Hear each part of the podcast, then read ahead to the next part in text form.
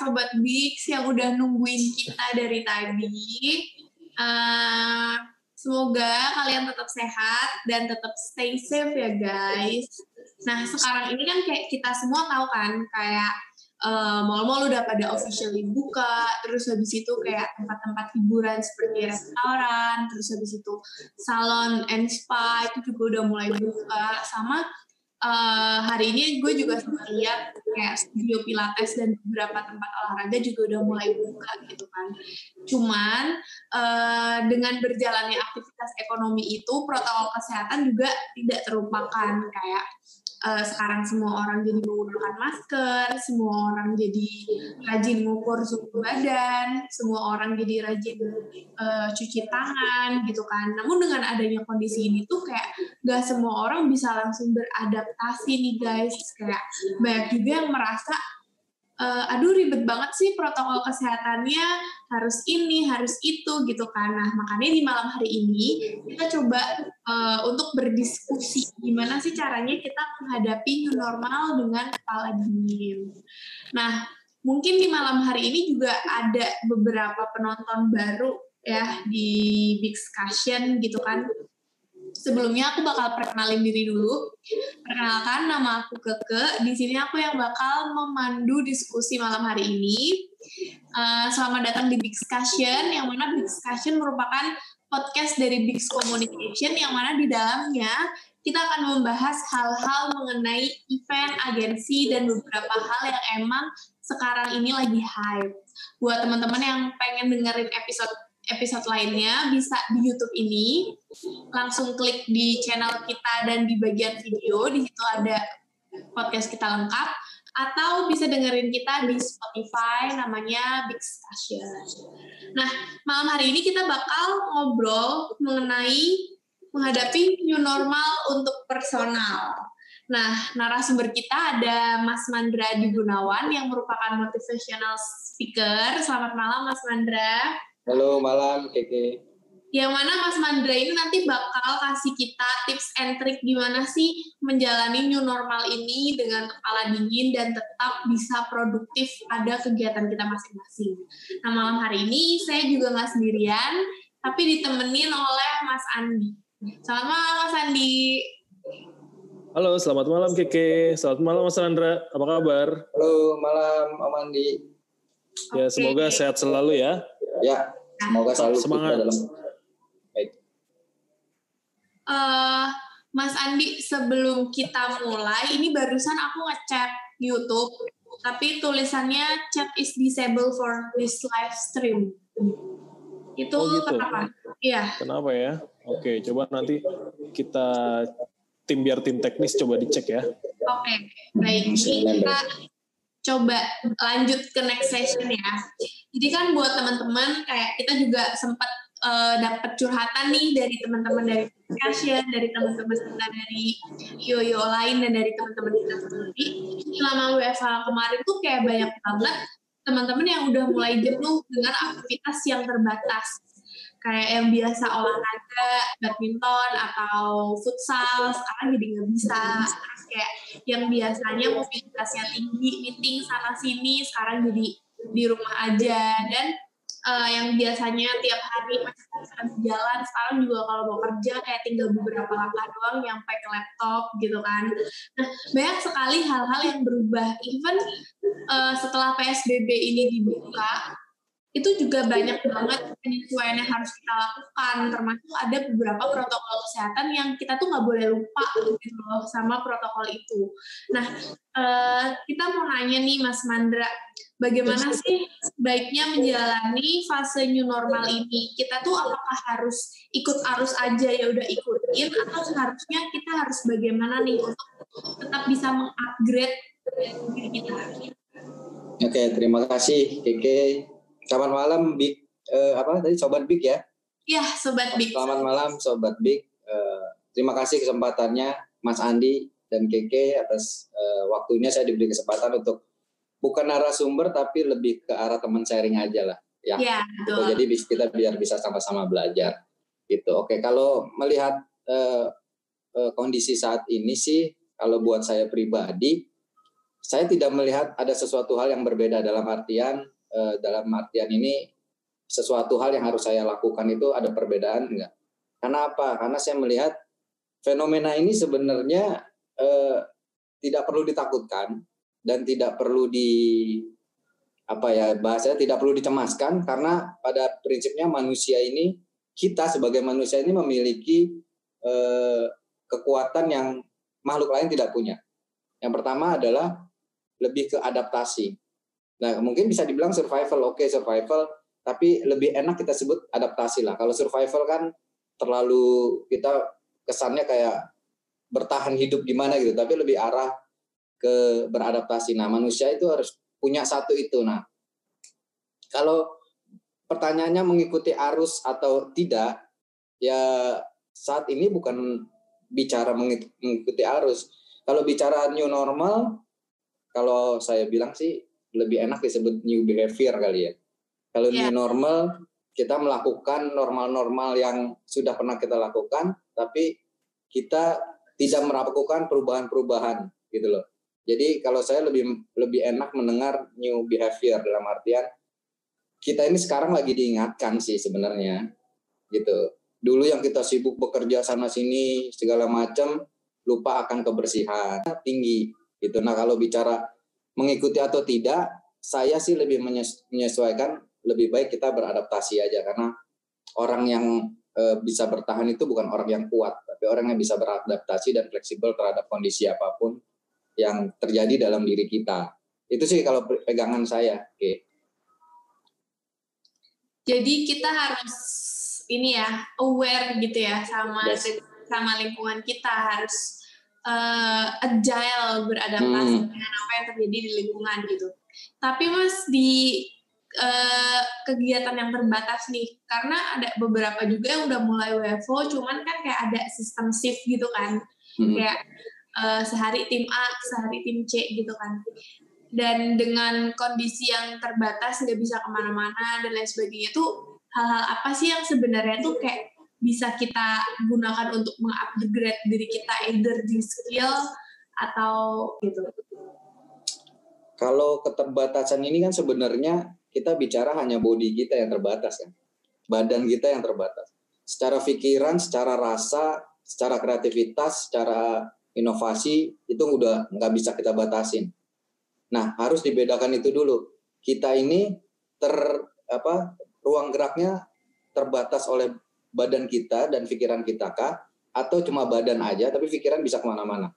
Dalam arti ke mana-mana bukan yang hal-hal yang negatif ya tapi ke mana-mana di sini hal-hal yang positif dan kreatif. Nah di sini saya e, bicara harusnya sih kita harus bisa mengembangkan diri. Kenapa? Karena e, kita tidak memiliki keterbatasan yang rutinitas-rutinitas kita lakukan di kantor yang kita kena macet kita mungkin pagi-pagi udah bangun kita harus eh, yang mungkin yang naik kereta bisa ngejar kereta atau mungkin untuk berangkat ke kantor. Nah sekarang dengan adanya kita bekerja di shift seperti itu, kita punya eh, apa ya bisa save save tenaga yang pertama. Yang kedua adalah mungkin bisa save pikiran kita karena pikiran udah menjadi modal utama kita. Kalau pikiran stres kita udah nggak akan bisa ngapa-ngapain. Nah yang penting sih itu aja. Kalau bisa jangan kita terbatas geraknya oleh badan kita dan pikiran. Tetapi kalau bisa badan boleh terbatas, pikiran dan inovasi tetap harus berjalan terus. Hmm. Itu aja sih kalau saya. Jadi jangan terbelenggu dengan gak boleh ke mana-mana, Yes. kita harus terbatas itu enggak ya mas, karena sebenarnya kerja pun kayak kita relate banget nih buka internet, buka Ya. apa, kayak tetap masih bisa kita akses gitu ya. Ya Cuman- masalahnya kan cuma tempat aja ya. Ya, Hmm, baik. Itu. Oke. Nah, sekarang eh, kesempatan saya mungkin kali ya untuk bertanya. Wah, oh ini, Gitu. waduh. Waduh. Guru saya. Jangan ini. waduh dong Mas Mandra. Waduh. Ini guru saya salah nih. nih. Waduh salah tuh kalau gitu. Kebalik kayaknya. Ya, gimana Mas Mas Mandra, Bro? Eh, Ya. PSBB atau social distancing itu kan secara langsung tidak atau dan tidak langsung memberikan impact ke kehidupan sosial kita ya. Makanya setiap orang ada yang cukup tough untuk menjalani ini, ada yang sudah cukup stres juga. Nah, ini bagaimana menyikapi ini? Apakah bersosialisasi dan juga eh, apakah bersosialisasi via online dan sama itu sama baiknya dengan komunikasi tatap muka langsung? Hmm, Oke, tadi eh, seperti yang saya sampaikan Mas Andi terkait dengan eh, badan badan kita boleh ruang geraknya terbatas. Tapi pikiran dan ide-ide nggak boleh, nggak boleh terbatas dengan apa pun karena kreativitas itu udah nggak ada batasnya. Nah, terkait dengan eh, PSBB ataupun apa sebutannya social distancing sebenarnya kita dari dulu udah pernah melakukan sebenarnya kan. Jadi dalam artian dulu belum ada gadget, belum ada eh, online gitu ya. Kita masih ter, eh, terkungkung dengan mungkin jarak dan eh, rumah kita juga nggak terlalu dekat gitu. Sebenarnya kita sudah bisa melakukan, tapi sekarang ini kan karena kita kebiasaan sosialisasi ya nongkrong, kebiasaan ngumpul, ngopi-ngopi, kongko-kongko dan nah kebiasaan-kebiasaan itu yang yang menjadi eh, menghilang ketika adanya PSBB ini. Jadi kita harus yang tadi eh, saya bilang harus adanya adaptasi terkait sosial ini ya sebenarnya sih tetap kita sosial eh, hubungan sosial yang ini harus bisa dilakukan dengan adanya mungkin seperti hal sekarang ini kan saya nggak ketemu Mas Andi udah berapa tahun ya tapi silaturahmi tetap terjalan eh terjalin gitu loh. Terus saya bisa kenal baru dengan Kiki. Kan tetap masih ada masih ada interaksi terhadap eh, sosial-sosial yang selanjutnya gitu. Jadi PSBB ini hanya bersifat bersifat kita cuma harus bisa lebih aware lagi terhadap perilaku-perilaku yang baru gitu perilaku-perilaku yang baru apa nih yang harus kita adaptasikan sesuai dengan tujuan kita nah kembali ke tujuan kalau kita bilang gitu gitu Mas Andi Oh iya, iya. jadi kalau boleh saya rangkum, selama ada wabah ini, ya hidup tetap indahkan hidupnya, ya. Iya, tapi jangan lupa betul. protokolnya. benar Gitu. jujur jujur aja saya secara pribadi nggak nggak pengaruh secara eh, ruang gerak ya maksudnya Hmm. nggak berpengaruh terhadap eh, waduh saya nggak boleh ke sini saya nggak boleh ke sana. Paling ya peraturan-peraturan aja yang membentur itu. Terkait dengan kreativitas eh, bisnis yang nggak bagus gitu ya Mas Andi ya kita sama-sama teman-teman di luar sana juga pasti eh, ekonomi juga rata-rata pada merosot. Tapi ada juga yang ekonominya membaik gitu. Dalam arti justru ini menjadi eh, domplangan mereka untuk eh, mengembangkan bisnisnya. Nah, yang saya, saya bilang tadi manusia punya beradaptasi. Nah, saya merasa ini sesuatu hal yang baru. Ibaratnya eh, ketika saya seperti halnya gini, ketika saya keluar rumah, saya ini mau hujan nih, saya udah siapin payung sama jas hujan aja. Logiknya begitu sih kalau saya. Iya. Jadi saya nggak merasa nggak merasa ada hal yang oh karena PSBB aduh deh di rumah aja atau PSBB mau ketemu orang mungkin mau ketemu klien nggak jadi klien yang tahu tapi kan kita bisa eh, bisa ngobrol secara mungkin dari sosial media dan sebagainya. Jadi kalau saya pribadi nggak nggak berpikir itu ke arah sana karena saya punya prinsip saya punya satu hidup manusia setiap manusia kan punya satu pasti punya tujuan. Nah kita fokus sama tujuan itu aja. Ketika Iya. tujuan itu ada yang menghambat perihalnya kita mau berangkat ke kantor ketika di, di arah kita biasa lewat di situ ada banjir otomatis kita nyari jalan lain untuk ke kantor. Nah kalau saya prinsipnya begitu. Jadi nggak Ya. perlu nggak nggak perlu ketika ada banjir ah udah deh saya pulang nggak usah ngantor kan akhirnya tujuan kita nggak tercapai. Tapi gimana caranya? Udah deh saya naik naik getek atau naik ojek kan bisa aja gitu.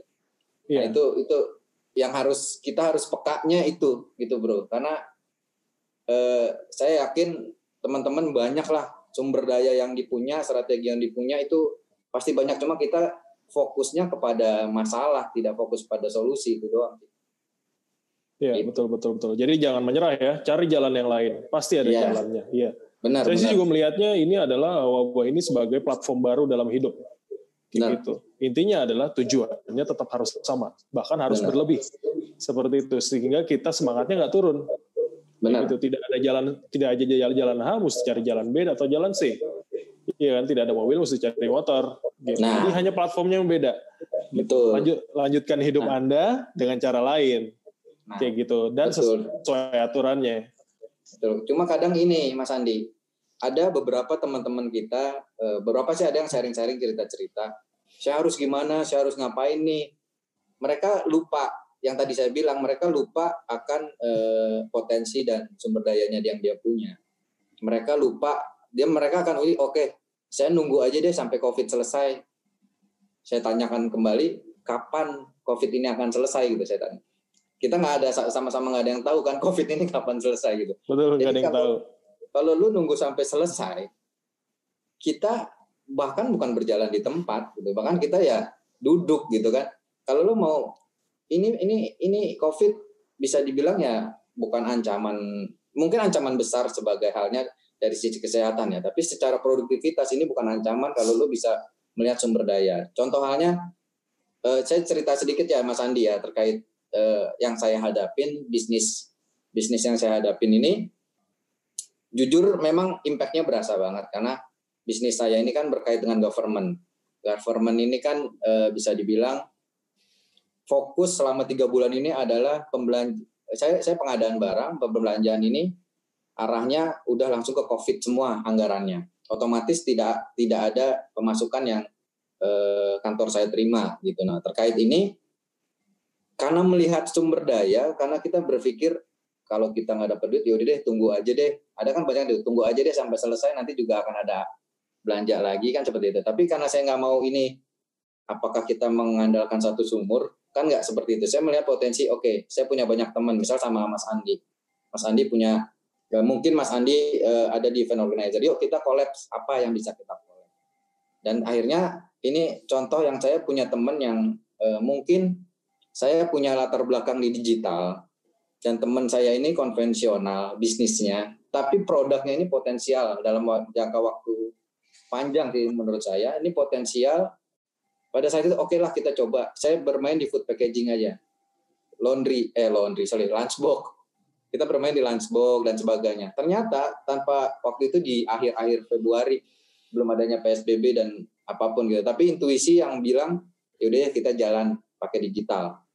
Kita coba simple kan saya juga nggak terlalu modal besar kok kita punya teman punya relasi teman juga punya barang ya kita bantu jualin gitu logiknya gitu kita bantu jualin dan omsetnya di luar ekspektasi orang-orang eh, pada kebingungan dapat uang per bulan ini dari mana ya saya alhamdulillah ada pemasukan dari ya walaupun cuma pembentukan seminggu tapi ada omset masuk kan luar biasa gitu maksud saya ini satu keberuntungan Makanya saya sebut kemarin itu bukan lockdown tapi luck, luck keberuntungan lockdown gitu. Dapat keberuntungan gitu. Jadi Ya. kalau kita jadi kalau kita sadar akan eh, apa potensi dan peka peka terhadap kita, kita banyak temen kok yang bisa kita collab.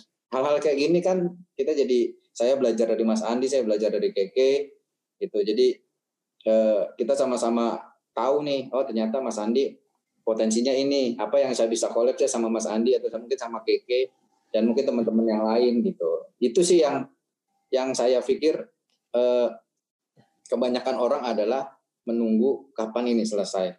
Menunggu ibaratnya menunggu umpan gitu. Tapi kita tidak ngejar umpan. Itu sih Mas Andi. Mas.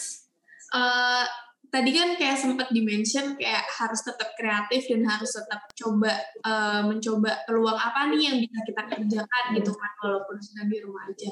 Cuman kan banyak juga dari orang-orang tuh yang karena kerja di rumah itu tuh jadi kayak mager, males-malesan kayak gitu ya. Nah, eh, kalau dari kalau menurut Mas Mandra sendiri nih, gimana sih caranya menghadapi keterbatasan di new normal atau new behavior yang menurut Mas Mandra ini agar tetap bekerja produktif, bekerja atau belajar atau berkegiatan secara produktif gitu. Oke. Ya, ya memang eh, ketika kita sudah berubah rutinitasnya, memang ada sesuatu hal yang menjadi ini kayaknya bukan gue banget nih, gitu. Ini halnya bukan nih. Contohnya kayak WFO, kita lagi kerja serius di kan- ya riuh seperti di kantor mungkin anak ikut-ikutan gangguin atau apa mungkin ada hal-hal yang eh, lain itu yang mengganggu kita. Nah terkait itu sih kalau saya mungkin teman-teman punya cara, eh, sobat Bix juga punya cara bagaimana membuat suasananya bisa eh, membentuk dengan seperti suasana di kantor yang atau mungkin suasana yang nyaman yang nyaman buat kita lah gitu. Mungkin bisa divisualisasikan atau misalnya bekerja dengan biasanya ada musik atau apa segala macam itu bisa dilakukan seperti itu. Cuman memang tantangannya adalah distract-distract yang mungkin eh, apa gangguan anak dan mungkin apa itu bisa bisa kita terapin ke arah yang mungkin apa ya personal persona ke anaknya gitu loh maksudnya lebih ke memanage memanage eh, gangguan-gangguan itu. Kalau saya sih lebih ke membangun suasana walaupun suasananya tidak sama tapi secara visual secara mindset saya beranggapan oke okay, saya seperti kerja uh, seperti layaknya kerja seperti biasa, tapi memang ada sesuatu yang beda. Jadi saya harus tetap bekerja dan tetap uh, apa yang harus saya lakukan, tanggung jawab dan sebagainya. Itu membentuk suasana aja sih kalau saya. Oh ya, oke. Okay. Uh, berarti kalau gitu dari Mas Mandra sendiri biar tetap produktif kayak coba dibangun suasana kerjanya biar nggak berasa di rumah yes. banget gitu ya Mas? Benar benar. Benar banget. Karena uh, di rumah pun kadang uh, contoh lah kayak uh, ada saya di rumah malah bikin satu ruangan yang memang buat ya buat seperti ini buat podcast atau buat uh, virtual karena ada beberapa kelas-kelas uh, saya yang online itu malah lebih banyak melakukan virtual seperti ini gitu. Jadi justru malah lebih efektif. Kenapa? Karena mereka lebih leluasa dalam arti tidak terganggu di perjalanan atau dan sebagainya. Itu membangun suasana itu yang yang mungkin teman-teman tahulah sendiri karena potensinya. Tapi dari kalau seperti itu dari keseharian Mas Mandra ada akhirnya ada behavior benar-benar behavior baru nggak? Kayak yes uh, ternyata gue baru sadar nih kalau ternyata tuh selama ini gue overwork atau gara-gara work from home gue jadi lebih uh, benar-benar mengenal mengenal pembagian waktu kapan gue harus kerja kapan gue harus main sama keluarga gitu. Ada perbedaan itu nggak mas? Uh, banget terasa di uh, apa di pribadi ya. Behavior behavior yang pertama adalah lebih ke arah biasanya kerja dulu saya juga uh, mungkin Mas Andi tahu ya saya juga di event juga dulu. Senin sampai orang event tahu sendirilah seperti apa ya keke ya gitu. Dan dulu memang nggak mengenal waktu dan itu udah menjadi kebiasaan saya bertahun-tahun gitu. Dan akhirnya eh, dengan adanya seperti ini saya lebih mementingkan kesehatan dalam artian eh, kesehatannya dari sisi yang lebih ke pola hidup pola makan dan sebagainya. Yang awalnya dulu sembarangan, kadang makan kadang enggak gitu loh. Jadi mikirnya kerja terus, tapi sekarang oke okay, ini waktunya saya makan, saya harus jaga. Karena kan senjata kita cuma satu, imun kita kan kalau kondisi yeah. seperti ini. Jadi itu yang yang saya manjain itu aja, poles terus. Karena kita udah nggak bisa ngapa-ngapain. Sebersih bersihnya kita kalau kena imun kita nggak bagus kan, ya kita mau ngomong apa gitu. Tapi yang karena karena bisa dibilang senjata kuatnya adalah imunitas pribadi kita ya itu aja yang saya manjain gitu. Jadi perilaku itu yang sehari-hari berubah itu iya iya iya. Nah Mas Wanda tips yang paling uh, mujarab dalam menghadapi pandemi ini apa tadi? Mujarab uh, tips yang paling mujarab kalau mujarab sih nggak nggak nggak terlalu mujarab untuk masing-masing orang kadang berbeda ya. Tapi kalau saya hmm. bilang yang pertama tipsnya adalah eh, kita pertama harus aware dulu nih sama tujuan kita, gitu. Om, kita harus tahu dulu tujuan kita sebenarnya apa sih. Udah kita fokus sama situ. Yang kedua adalah ya udah kita harus peka. Menghadapi ini kita harus peka. Dalam arti kita harus sadar lingkungan teman kita siapa. Terus eh, apa yang harus apa yang harus kita lakukan, apa yang bisa kita perbuat. Itu tuh sama yang halnya yang behavior new behavior yang tadi saya bilang, ada sesuatu hal yang baru yang memang harus eh, kita lakukan untuk menjaga menjaga diri kita pada pada intinya seperti itu. Nah, yang kalau saya tips mujarab ya itu aja, melek aja, melek jangan ngelihat jangan ngelihat masalahnya. Kita lihat solusi lah sudut pandang banyak kok. Iya, Gitu. iya. Jangan jangan melihat dari cuma satu sudut pandang. Oke, gue nggak kerja, gue FO, gue nggak bisa ngapa-ngapain. Padahal di rumah banyak yang bisa kita lakukan dari hobi dan sebagainya. Mungkin bisa Iya. jadi bisa jadi pemasukan dari ibu-ibu yang biasa ngantor apa sibuk sekarang bisa sambil kerja WF WFH ya WFH terus juga sambil masak dia jualan catering nah itu kan salah satu potensi yang dia punya gitu dia bisa jualan ke teman-temannya dan sebagainya itu sih Iya. Om. Jadi bergerak terus pokoknya ya. Yes, badan boleh terus. badan boleh terbatas, tapi pikiran, kreativitas jangan sampai terbatas. Jangan sampai terbatas. Jadi tapi saat bergerak terus juga jangan sampai lupa ya tanggung jawab intinya kita bekerja sama siapa itu juga jangan sampai lupa ya. Ya, betul. Yang ada di rumah ya kan targetnya tidak terpenuhi dari perusahaan ntar malah di layoff gitu. Tapi itu Makanya- juga jangan- maka- itu juga nggak boleh lupa. Ya, makanya itu, Om Andi, fokusnya pada tujuan dulu nih. Ya Iya. kan? Kita, saya bekerja di perusahaan, perusahaan punya tujuan dan saya pun punya tujuan. Nah, fokus itu dulu. Bagaimana nanti eh, ada hambatan dan sebagainya, ya itu kita tinggal beradaptasi aja. Jadi biar sama-sama. Toh nggak ada nggak ada perusahaan pun kita juga nggak bisa kerja kan gitu. Betul. Jadi saling membantu. Betul betul betul betul. Ya Gitu. siap. Eh Mas Dada, ini Ya. eh, ngomong-ngomong sepertinya punya channel YouTube juga ya Mas Dada ya? Wah, channel YouTube lama itu.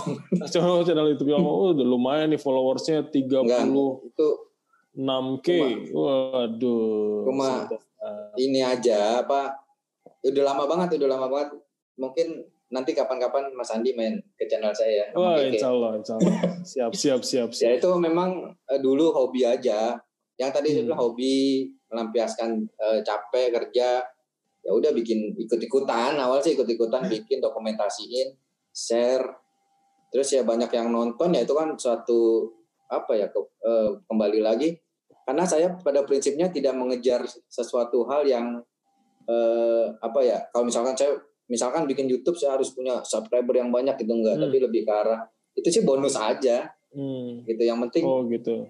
saya yang penting saya jalanin aja dulu gitu loh masalah suka nggak suka kan Ya, iya masalah suka nggak suka kan itu persepsi orang yang penting saya nggak eh, merupa apa me- tidak mengganggu orang lain gitu aja prinsipnya Iya, itu iya. Hmm.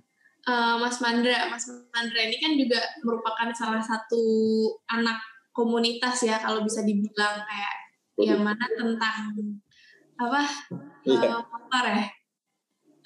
Nah, Anak, kalau anak mobil nih kayaknya, anak mobil. kalau anak di emak bapak saya anak emak bapak ya. Aduh. Kegiatan komunitas gimana tuh Mas?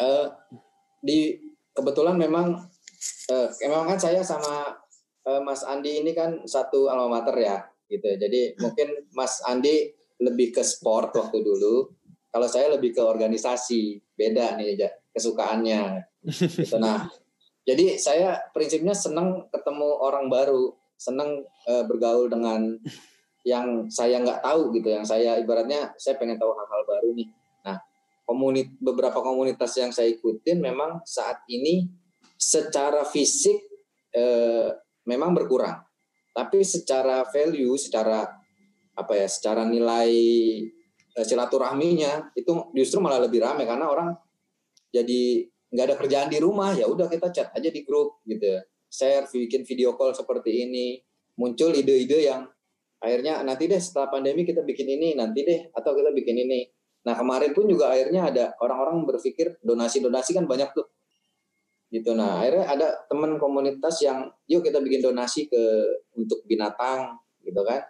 Do- Donasi ke tempat apa namanya tempat-tempat rekreasi yang ada binatang-binatangnya kan itu nggak ada pemasukan tuh. Nah kita donasi ke ke sana gitu. Jadi jadi justru malah memunculkan ide-ide gitu. Cuma kalau secara fisik memang sudah tidak ada tidak ada lagi seperti biasanya tapi secara organisasi masih tetap berjalan gitu Iya, iya, iya. Oke. Mas ini kayak kebetulan pada episode kali ini kolom live chat kita tuh eh, lagi disable. Kita mungkin pas Hmm. tadi awal kita setting ada beberapa hal yang salah teknis. Teknis ya. Ya. Tapi sekarang udah bisa. Oh udah bisa sekarang. Sudah, sudah bisa, sudah bisa live chat. Bagi teman-teman yang mau bertanya, silahkan langsung saja tulis di situ pertanyaannya. Nanti kita tanyakan langsung pada Mas Mandra. Nah Berarti. ini eh, mungkin sekarang belum ada pertanyaan, cuman tadi sempat ada titipan pertanyaan nih Mas dari Iya. salah satu sobat Bix gitu. Eh, di awal kan sempat dimention kalau apa namanya eh, yang kita perangi, yang kita hadapi saat ini itu adalah keresahan, kecemasan gitu kan tentang ketidakpastian yang ada sekarang kayak Yes. sebenarnya ekonomi udah benar-benar bisa jalan atau belum atau sebenarnya eh, PSBB itu berfungsi atau tidak gitu kan dan banyak juga kasus-kasus layoff di beberapa industri gitu. Nah sebenarnya kan untuk rasa cemas, rasa gusar itu kan manusiawi ya kan. Walaupun mungkin saat ini tuh eh, settle-settle aja tapi kan kayak cemas itu kayak ya udah manusiawi karena apa yang terjadi di sekitar kita juga sedang seburuk itu gitu. Itu harusnya kita gimana nih mas untuk untuk menangani kecemasan diri kita sendiri gitu?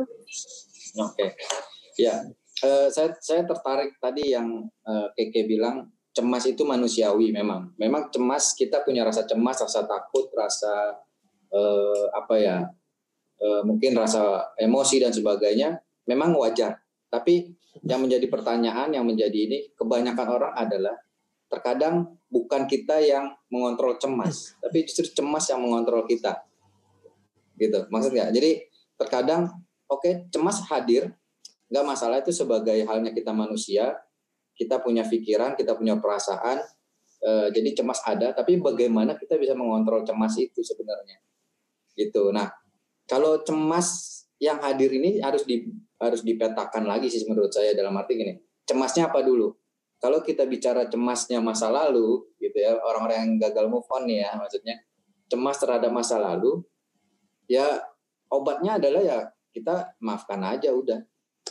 Nggak ada obat yang lain. Dalam arti maafkan bukan eh, dalam sisi kita menerima kondisi yang ada gitu kalau bicara kecemasan masa lalu tapi kalau bicaranya kecemasan saat ini saat ini eh, contoh kayak pandemi lah. Sekarang apa sih yang sebenarnya kita takutkan kita cemaskan? Tadi yang dibilang keke kewajaran. Oke benar kewajaran. Karena apa? Karena kita nggak sendiri. Gitu. Semuanya juga merasakan. Terus kok semuanya bisa eh, survive? Kenapa kita enggak? Jadi apa yang harus kita cemaskan?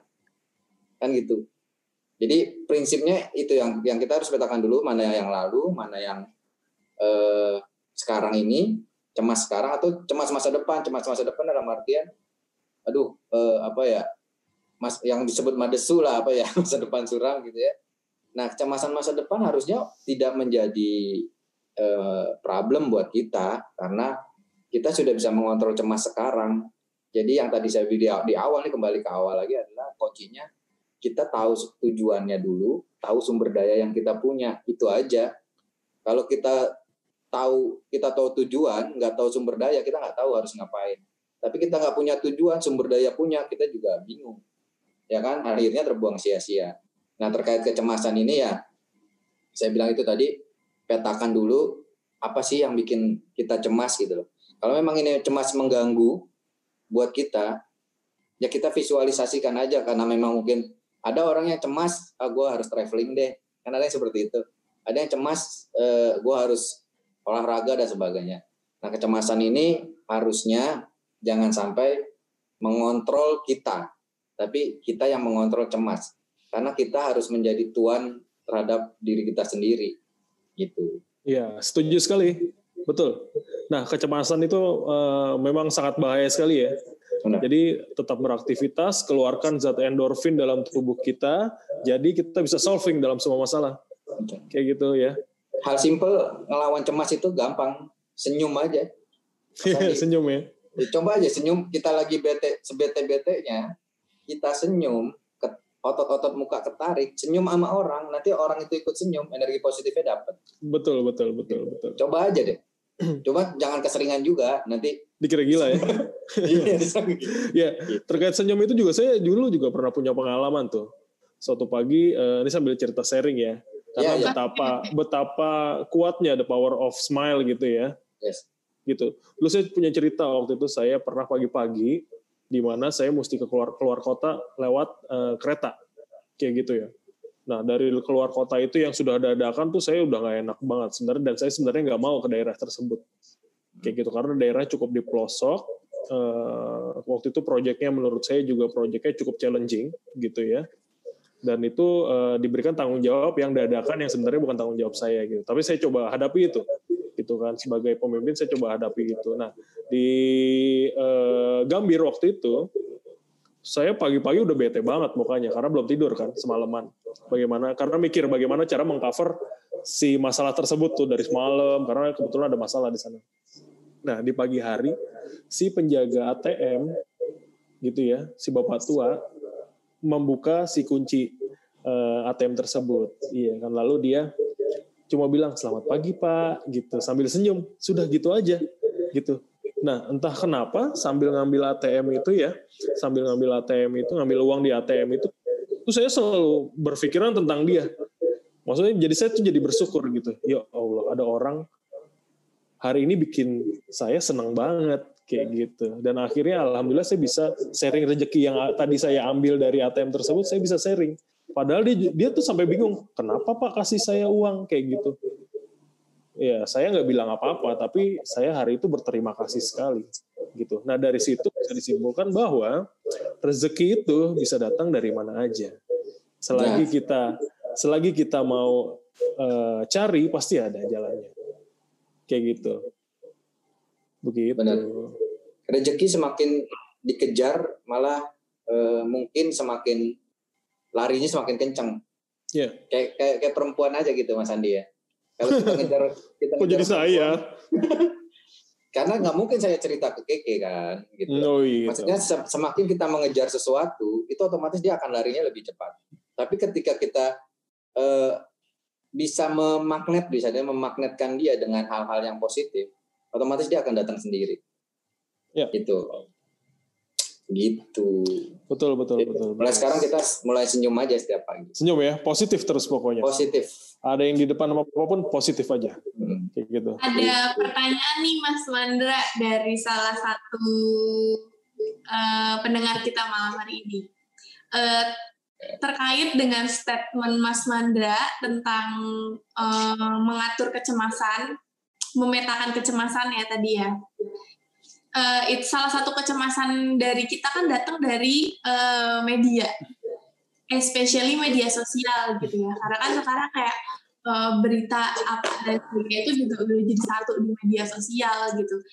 Yang mana itu terkadang dengan kita saking seringnya baca media atau terekspos dengan media itu tuh bikin kita jadi kayak eh, over over apa ya terinfo banget gitu loh jadi kayak jadi stres aduh too much information gitu Jadi media menjadi toksik ya kok ya, bukan Iya, jadi informasi lagi tapi sudah jadi toksik. jadinya toksik. Nah, gimana sih sebenarnya kita kayak mensiasati biar kita itu nggak jadi ignorant sama media, biar tetap ter- terinfo, tapi tuh nggak jadi toksik di diri kita gitu loh.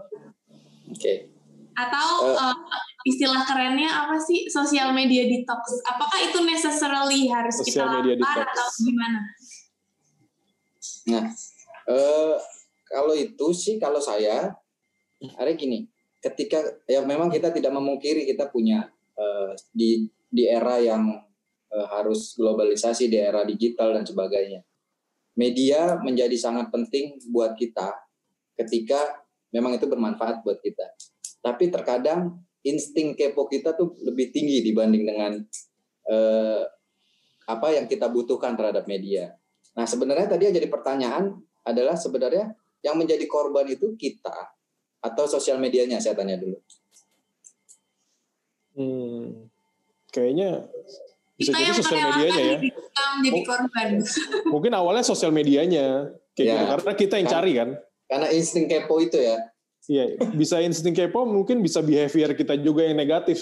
Yes, Akhirnya kita dapat negatifnya gitu. betul. Kenapa saya tanya tadi yang menjadi korban kitanya atau sosial medianya?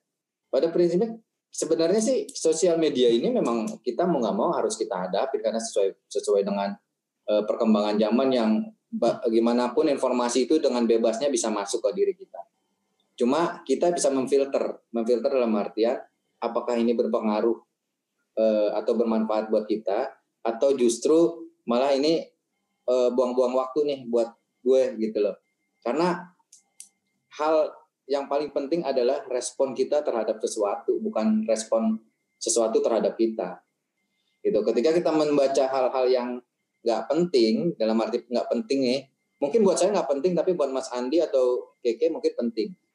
Gitu. Tapi saya pengen tahu nih apa sih. Nah itu sebagai informasi aja. Ketika nanti saya eh, menghadapi sesuatu hal yang pernah saya baca, saya bisa tahu informasi ini.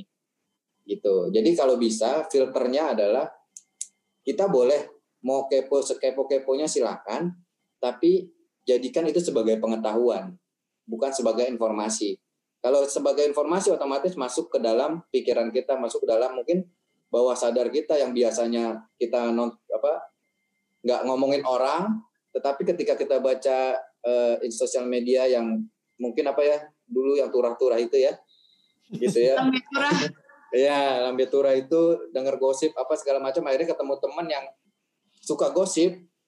Kita ngomong iya kemarin gue juga baca ini loh, gue baca itu loh gitu. Akhirnya kan jadi nyambung nyambung nyambung akhirnya jadi kebiasaan. Kebiasaan akhirnya jadi eh, karakternya dia yang suka gosip dan sebagainya. Makanya saya bilang tadi filternya adalah kita boleh seluas-luasnya mencari informasi apa pun, tapi filternya adalah ini hanya sekadar sebagai pengetahuan aja. Jangan menjadi informasi kalau ini menjadi informasi, kita akan telan. Tapi kalau menjadi pengetahuan, saya akan gunakan nanti nih ketika saya um, apa ibaratnya ketika informasi pengetahuan ini ada. Contoh halnya gini deh, ketika saya saya belajar belajar ibaratnya belajar psikologi, padahal latar belakang saya sama kayak Mas Andi gitu di uh, informatika. Nah ini bukan informasi buat saya psikologi ini, tapi pengetahuan. Ketika saya punya teman yang ada eh, gangguan psikologi ataupun mungkin ada hal-hal yang terkait psikologi, pengetahuan ini saya pakai. Gitu. Jadi filter itu yang kita harus pakai. Cuma kebanyakan orang langsung telan mentah-mentah menjadi informasi. Jadi ya kita keganggu sendiri. Sebenarnya makanya tadi saya bilang kita yang menjadi korban apa sosial media yang menjadi korban? Kan gitu. Jadi jangan terlalu baper ketika baca berita ya mas ya? Yes jadikan pengetahuan aja gitu. Ya justru lebih bagus kalau jadi inspirasi gitu. Oke dari Mas Andi ada yang mau ditanyain lagi nggak kira-kira? Dari aku sepertinya cukup. Mungkin sepertinya ada pertanyaan lain nih. Eh, dari Fahmios ada pertanyaan lagi Mas Mandra ada rencana aktifin akun YouTube-nya lagi nggak? Ini kayaknya fansnya Mas Mandra nih. Kalau yeah. dari siapa tadi Mas? Mas Fahmi. Wah Mas Fahmi, thank you, thank you banget. Kalau aktifin YouTube ya rencananya ada, tapi lebih ke ekspansi aja sih. Dalam artian eh, dulu kan lebih senang-senangnya otomotif ya hobi segala macam. Sekarang ini lebih banyak ke ya mungkin saya lebih banyak belajar lah, mengembangkan diri saya buat eh, ibaratnya kita saya intinya haus-haus belajar, haus ilmu gitu. Jadi mungkin mau saya kembangkan arahnya lebih ke pecah pecah konten sih mungkin lebih hmm. satu uh, hobi tetap berjalan tapi nggak full otomotif tetap jalan tapi nanti saya combine ke arah lebih ke inspirasi atau mungkin lebih ke jalan hidup atau apa gitu nanti saya bisa keke mungkin punya cerita yang bisa dibagi karena setiap orang punya cerita-cerita sendiri yang menjadi inspirasi buat orang lain gitu mungkin Mas ya, Andi ya. nanti atas waktunya kalau boleh saya minta ya di channel ya, saya. Insya Allah. Siap. Tuh, mungkin itu sih saya akan akan coba ke depannya. Tapi ya menunggu menunggu ini, menunggu rutinitas sudah mulai dalam arti saya bisa misalnya kayak Mas Andi ada waktu, oke okay, saya akan main ke tempat Mas Andi gitulah. Gitu. Iya iya iya. Baik oh, baik baik. Oke, uh, dari sobat Bix udah nggak ada pertanyaan lagi sih. Dari Mas Andi juga udah. Ya saya rasa saya cukup Kayak gitu. Silakan. Oke, Dep. eh, mungkin untuk sesi discussion malam ini kita sudahin dulu. Kita mau ucapin terima kasih kepada Mas Mandra yang udah Thank you, thank you sayang, thank you. Untuk sharing session ya, berbagi cerita dan discuss ke kita mengenai gimana caranya menghadapi new normal untuk personal. Eh, buat sobat Bix yang mungkin tadi telat atau baru aja join, nanti bisa nikmatin rangkuman dari diskusi kita malam hari ini di podcast kita di Spotify. Nanti bakal diinfoin tayangnya kapan di sosial medianya Discussion di Instagram. Mas Mandra, thank you banget ya buat Saya waktunya. saya yang thank you buat Big, sukses selalu. Ya. Terima kasih Mas Mandra. Semoga kita bisa berjumpa lagi nanti di lain waktu. Amin, Iya. amin, amin. Terima kasih. Siap. Bye-bye semuanya. Ya, Ah, terima kasih semua. Terima kasih Mas Mandra. ya, thank you.